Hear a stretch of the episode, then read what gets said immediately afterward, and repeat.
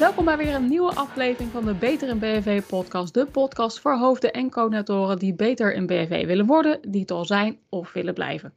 En vandaag heb ik een hele leuke gast, namelijk Wilfred Kilwinger van Centric. Uh, Wilfred, kan je jezelf eens uh, voorstellen? Wie ben je? Wat doe je? Uh, hoe lang doe je dat al? En wat zorgt ervoor dat je dit doet? Ja, ik heb een aantal functies binnen Centric. Laat ik eerst beginnen met mezelf. Ik ben 56 jaar. bij Centric heb ik verschillende functies. Ik, mijn hoofdfunctie is kwaliteitsmanager. Dat is voor zo'n beetje 16 uur per week. Daarnaast ben ik hoofd BFV, dat is voor zo'n gemiddeld 8 uur eh, per week. Ik ben secretaris van de VGWM-commissie Veiligheid, Gezondheid, Welzijn en Milieu, dat is ongeveer 4 uur per week. En ik ben specialist Business Continuity Management voor ongeveer 8 uur per week. En uh, daarnaast ben ik kernlid van het uh, crisismanagementteam, mocht er een crisis uh, zijn. En dan meestal in de rol van procesbegeleider. En soms in, de, in de rol ook van hoofd BFV.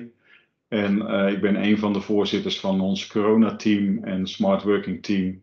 Uh, het is eigenlijk begonnen als crisisteam. En, uh, maar goed, na enige tijd, na ik geloof twee maanden, hebben we het crisisteam omgezet in een soort van projectteam.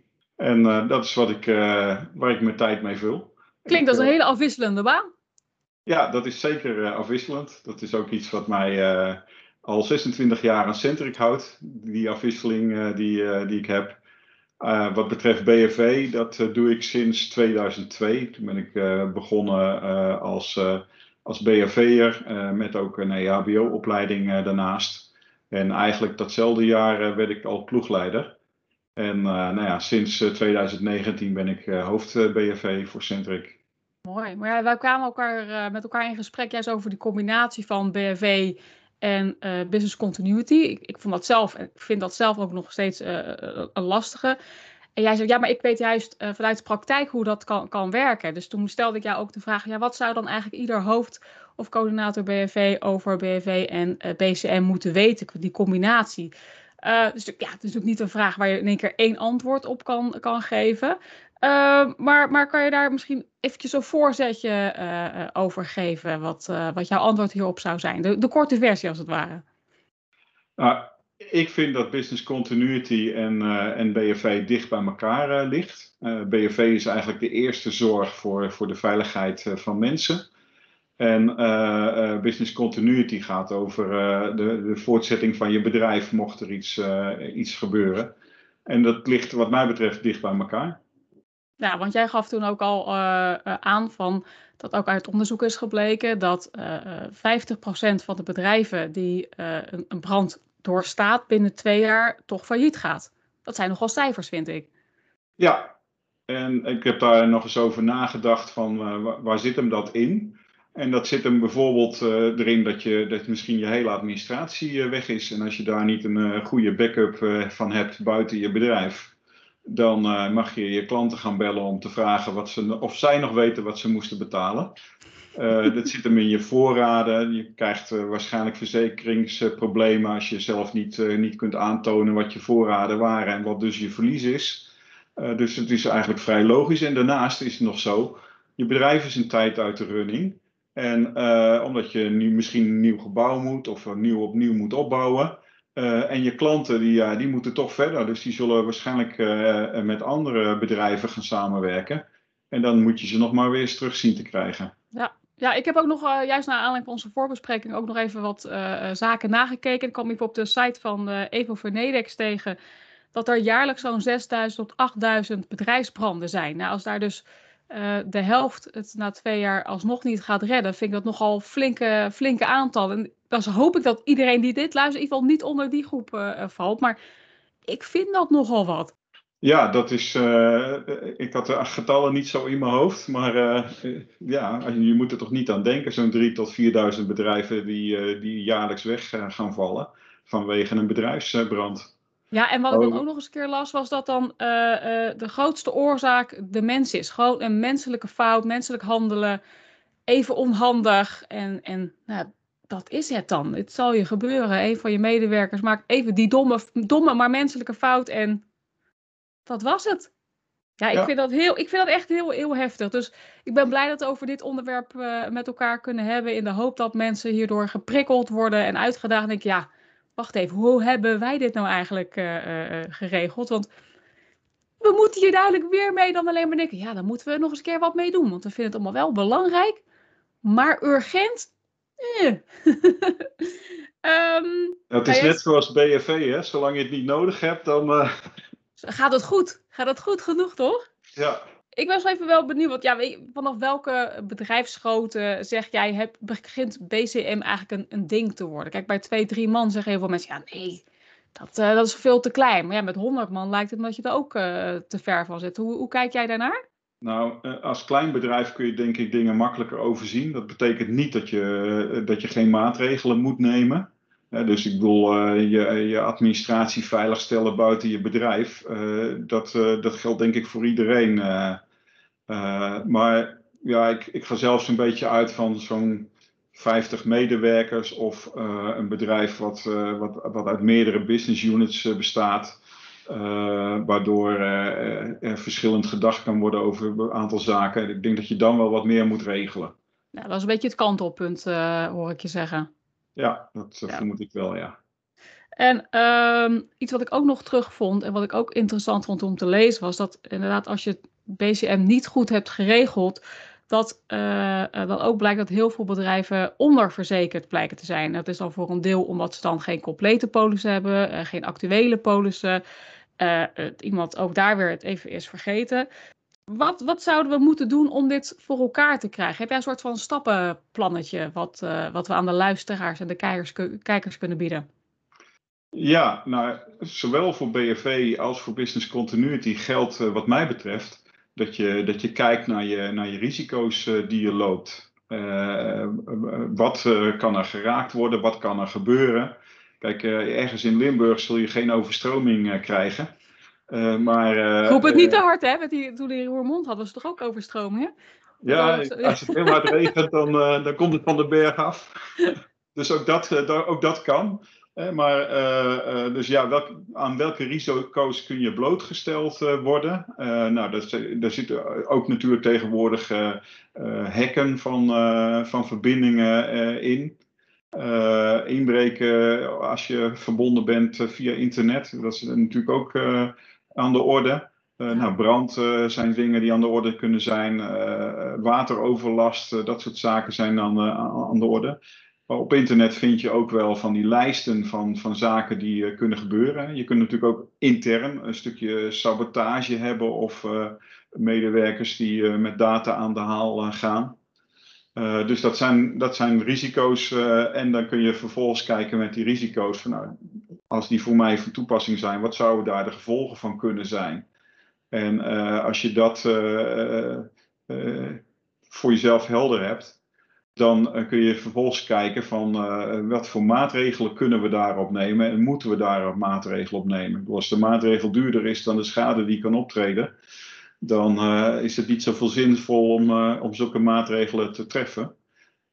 maar goed, voor heel veel zaken kun je wel, en dan heb je twee soorten maatregelen. Je kunt natuurlijk kijken of je het kunt voorkomen. Ik noem maar wat, eh, de, de ouderwetse sprinkler die, die voorkomt dat de brand heel ver uitbreidt. Is in ieder geval de bedoeling. maar je hebt ook maatregelen die, die je treft en, of voorbereidt voor als het gebeurd is om het dan te beperken. En bijvoorbeeld uitwijken is een van, die, van dat soort maatregelen. Ja.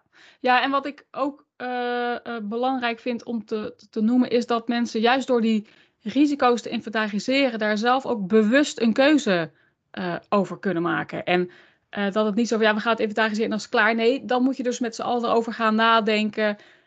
En nu, wat gaan we doen? Heeft het inderdaad prioriteit of niet? Is het inderdaad uh, een, een, kwestie van kostenbaten of niet? Maar wat ook is, dat je in ieder geval er echt over een beslissing over hebt genomen. In plaats dat je achteraf denkt van, oh ja, daar hadden we misschien wel even wat mee moeten doen hmm, ja. dan overkomt het je weer. Dat zou denk ik heel, heel erg zonde zijn. Ja, in mijn geval ben ik altijd voorstander van om die beslissing ook te documenteren. Dus ook als je het niet doet, uh, dan wel te documenteren uh, waarom. Ja, snap ik, snap ik. En uh, nou, we hebben dan die, nou, voor de BFV natuurlijk in eerste instantie die risico-inventarisatie, die, die natuurlijk wel verplicht is. En voor de BCM heb je daar ook meteen gevolgen van. Wat zou de volgende stap in jouw beleving moeten zijn? Als je nagedacht hebt op je, over je maatregelen, dan, dan kun je ook aan de slag om ze te implementeren en ze uit te werken. En daarop volgende is oefenen. En dat belangrijk. is echt heel belangrijk, ja, zeker. Ja, want uh, ook in de voorbespreking gaf je al aan dat je daar nou, bijzondere ervaring mee hebt. Kan je er misschien eentje delen met onze kijkers en luisteraars? Ja, dus wat, uh, waar ik bij betrokken ben is het, is het opstellen van business continuity plannen per divisie. En nou ja, dat wordt, dat wordt natuurlijk ook meteen geoefend. En de eerste oefening noemen wij altijd een awareness oefening. Dan hebben alle betrokkenen hebben dat business continuity plan hebben ze, hebben ze gelezen. Dat is natuurlijk met hun samen ook uh, opgezet. Dus ze weten wel wat de inhoud is. En uh, dan doen we een, eh, een, een, een crisisoefening. Dat kan van alles zijn, een datalek of eens een keer nou, zogenaamd een brand. en dan gaan we die scenario's die we voorbereid hebben, die gaan we dan in principe uitvoeren en in de praktijk testen. Mm. En uh, nou, dan, dan is eigenlijk. ja, ik zie al lachen. Kan ik voorspellen wat er gebeurt? Zelfs als de business continuity plannen op het bureau liggen, of in de zaal, vaak doen we dat toch een beetje bij elkaar. En de, de laatste tijd doen we dat gedeeltelijk bij elkaar en gedeeltelijk remote. Mm -hmm. zelfs als de business continuity plannen op het bureau liggen, dan nog gaan mensen het uit hun hoofd doen. En kijken ze niet naar wat we werkelijk hebben voorbereid. Dus er zitten, de runbooks noemen wij dat, dat is een soort van checklist. Uh, zo van, nou, per scenario uh, hebben we een runbook en, uh, en zijn de meest voorkomende dingen zijn al op een rijtje gezet. En dan gaan ze toch met z'n allen de crisis uit hun hoofd doen. en vergeten ze de rollen, de rolverdeling ook, worden actielijsten niet bijgehouden of niks genotuleerd. En uh, ja, dat is uh, bij de eerste oefening, vandaar dat we hem awareness oefening noemen, is dat eigenlijk altijd wel, uh, wel feest. Ik herken het hoor. Ik heb inderdaad ook een, een tijd geleden een, een, dergelijke oefening gehad. En toen had ik, maar dat was ook omdat ik het gevoel had dat ik het allemaal uit mijn hoofd moest doen. En toen pas achteraf iemand zei, ja, maar je, we hebben het toch uitgewerkt? Je kan het toch nakijken? Toen ik, ja, maar ik dacht dat dat niet mocht of zo. Dat dit ook een soort test was of ik het allemaal goed had onthouden. En toen zei die uh, persoon ook van nee, daarvoor hebben we het nou ja precies uitgewerkt. Pak het er gewoon bij. Het is een hulpmiddel wat je juist nu moet gebruiken in deze stressvolle periode. Dacht ik, oh ja, ja, uh, gewiste kans. Ja, nou, dan moet ik wel zeggen dat wij BFV'ers wel gewend zijn om een heleboel uit ons hoofd te doen. Dat is wel waar. Nadenken bij een uitdruk nog even de procedures te moeten lezen. Maar bij een business continuity plan uh, ja, is, er, is er over het algemeen uh, meer tijd. Hè? Uh, en krijg je ook stappen als je moet de situatie beoordelen. vervolgens moet je, moet je kijken van wat gaan we daar nou mee doen. in plaats van dat we meteen de brandspuit pakken en gaan spuiten. En dan pas erachter komen dat er een, een datalek was. Ja, ja dat is niet heel effectief natuurlijk. En ehm, wat, is, wat zou jouw beleving de, de rol van het hoofd BFV moeten zijn tijdens een, een, een BCM-situatie? Is die er altijd of niet? Nee, er zijn, eh, er zijn natuurlijk heel veel uh, crisissen te bedenken waar BFV geen rol in heeft. en en bedoel, bij een datalek heeft de BFV geen, geen rol. Dus het gaat echt om, BFV is wat mij betreft de veiligheid van, van mensen. zowel de medewerkers als, als bezoekers. Uh, en dat is eigenlijk voor ons, is, uh, wij hebben altijd een schema uh, waarbij emergency response, dus BFV, de eerste stap is, mocht dat aan de orde zijn. En dan pas het crisisteam volgen is de tweede stap. Ja, ja, ja, ja. En um, jij gaf ook toen al aan van ja, communicatie is echt heel erg belangrijk op, in zo'n situatie. kun je dat nader toelichten? Ja, communicatie zeg ik al, dat is een vak. Uh, uh, crisiscommunicatie. Ik heb een kleine anekdote. Uh, toen, we, toen we het crisisteam hadden voor, voor corona. toen wij, wij, wij, begonnen al in februari, terwijl de eerste besmetting in maart was. En in mhm. februari gingen we ons pandemieplan uitvoeren. En dan ga je onder andere ga je, met alcohol dispensers aan de slag en met alcoholdoekjes en we hadden gecommuniceerd uh, naar de medewerkers dat, uh, dat we alcoholdoekjes uh, beschikbaar stelden voor de werkplek. En in werkelijkheid zetten we die, die doekjes neer in onze pantries, waar je ook je koffie haalt. En nou, die stonden er nog geen dag en ze waren weg. Dat, dat kan toch niet waar zijn dat het personeel dat meeneemt. maar goed, toen keken we iets beter. En toen, toen ze waren weg omdat ze naar de werkplek gebracht waren. Want ze waren toch voor de werkplek. Dat hadden we toch gecommuniceerd. Daar hadden we ze voor beschikbaar gesteld. dus ja, we hadden gewoon iets, iets, iets zuiverder moeten communiceren. We zetten ze in de pantry en als je ze nodig hebt voor je werkplek of je toetsenbord, haal ze daar dan. Uh, dus ja. dan zie je eigenlijk wat een heel onschuldig bericht eigenlijk uh, in dit voorbeeld. Wat daar de uitwerking van is. Dus dat betekent dat je, dat je in crisiscommunicatie echt heel goed moet nadenken over hoe wordt de boodschap beleefd. Ja, ja. En ook dus dat is denk ik weer. Zeggen, dat, is een, dat is een vak. Ja, en ik kan me ook voorstellen als je dat. Jij vertelt het nu en ik hoop dat de luisteraars en kijkers denken van. Oh ja, zoiets hebben wij ook gehad. Dat ze dat ook weer eventjes prikkelt om te denken van hoe gaan wij dit, uh, dit, dit doen. Uh, het is natuurlijk sowieso communicatie altijd lastig, zeker als het onder, onder druk gaat. Um, hoe heb je dat dan eigenlijk geregeld? Heb je daar een aparte rol voor? En, en kan je daar iets over vertellen? Ja, communicatie is sowieso een rol in het BCP. Uh, dus ook in het crisisteam. En uh, goed, in ons bedrijf hebben we natuurlijk een communicatieafdeling. Die zowel over de interne als de externe communicatie uh, gaat. En nou, in, de, in de crisisvergaderingen dan, dan bepalen we de onderwerpen waarover gecommuniceerd wordt. En meestal is het wel zo dat een inhoudelijk deskundige daarna nog met, met iemand van de communicatie samen het bericht opstelt. Zodat de inhoud geborgd is, de, waar, waar het op dat moment over gaat, zeg maar. Maar ook uh, vanuit communicatie uh, de mensen er goed over nagedacht hebben van uh, is dit eigenlijk een eenduidig bericht? En communicatie is sowieso belangrijk, zowel natuurlijk extern naar, je, naar je klanten of je toeleveranciers, als het tenminste een crisis is die dat ook raakt. Maar ook intern. En dat wordt soms ook nog wel eens vergeten. Dan besteedt men wel uh, externe aandacht aan de externe communicatie en neemt men het eigen personeel niet mee. En uh, ja, het zou natuurlijk raar zijn dat jij uh, via internet moet lezen wat er, wat er bij jou speelt, zeg maar, bij wijze van spreken. Ja, nee, ik kan me voorstellen. Nou, ik las wel van de week dat de, de Zara in een filiaal, volgens Haarlem, het personeel wist dan wel al dat het uh, gesloten zou worden, maar de klanten helemaal niet. En dat gaf ook heel veel reuring, uh, begreep ik. Dat er beveiliging moest komen om mensen rustig te houden en dergelijke. Oeh, dat mocht dan nog niet extern gecommuniceerd worden, maar ieder, iedereen wist het wel intern. En dat, ja, dat was in ieder geval denk ik zo'n voorbeeld van, oeh, daar hadden ze wellicht even iets meer over moeten nadenken. Ja, wij, wij communiceren altijd intern eerst voordat we extern communiceren. En dat heeft ook met de grootte van ons bedrijf te maken.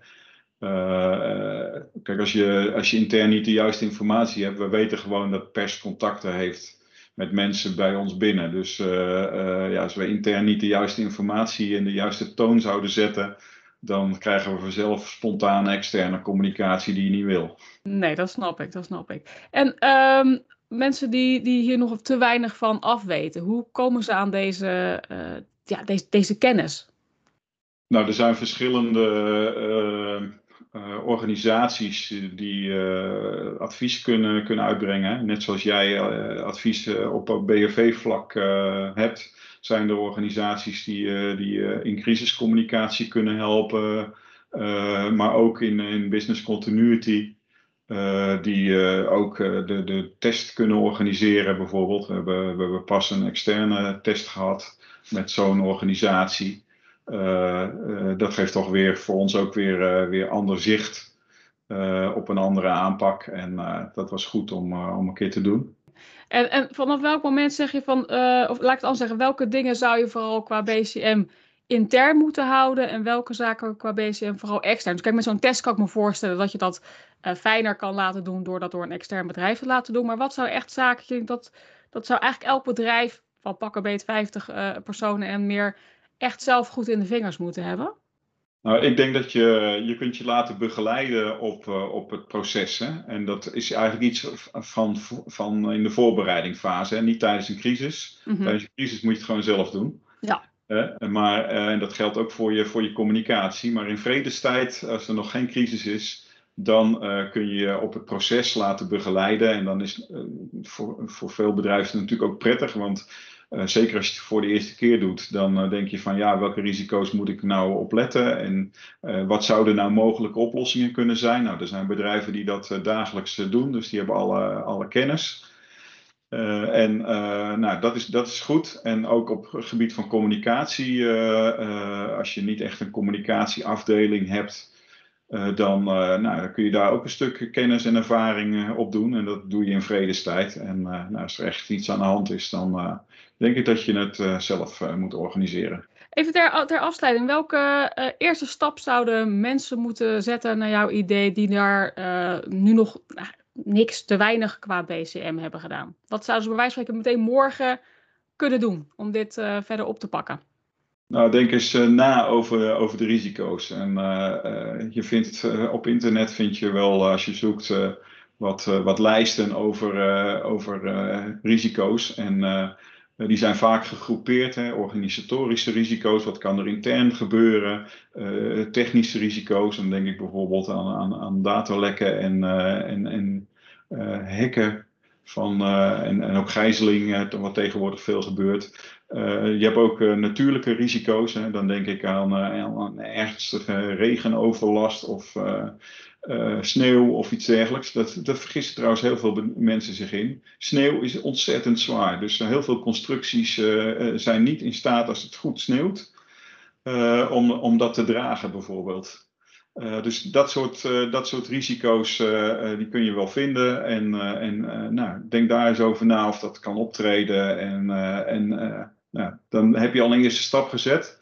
En dan, dan doorpakken. Dan kijken we of die risico's je echt raken en wat je daartegen kunt doen.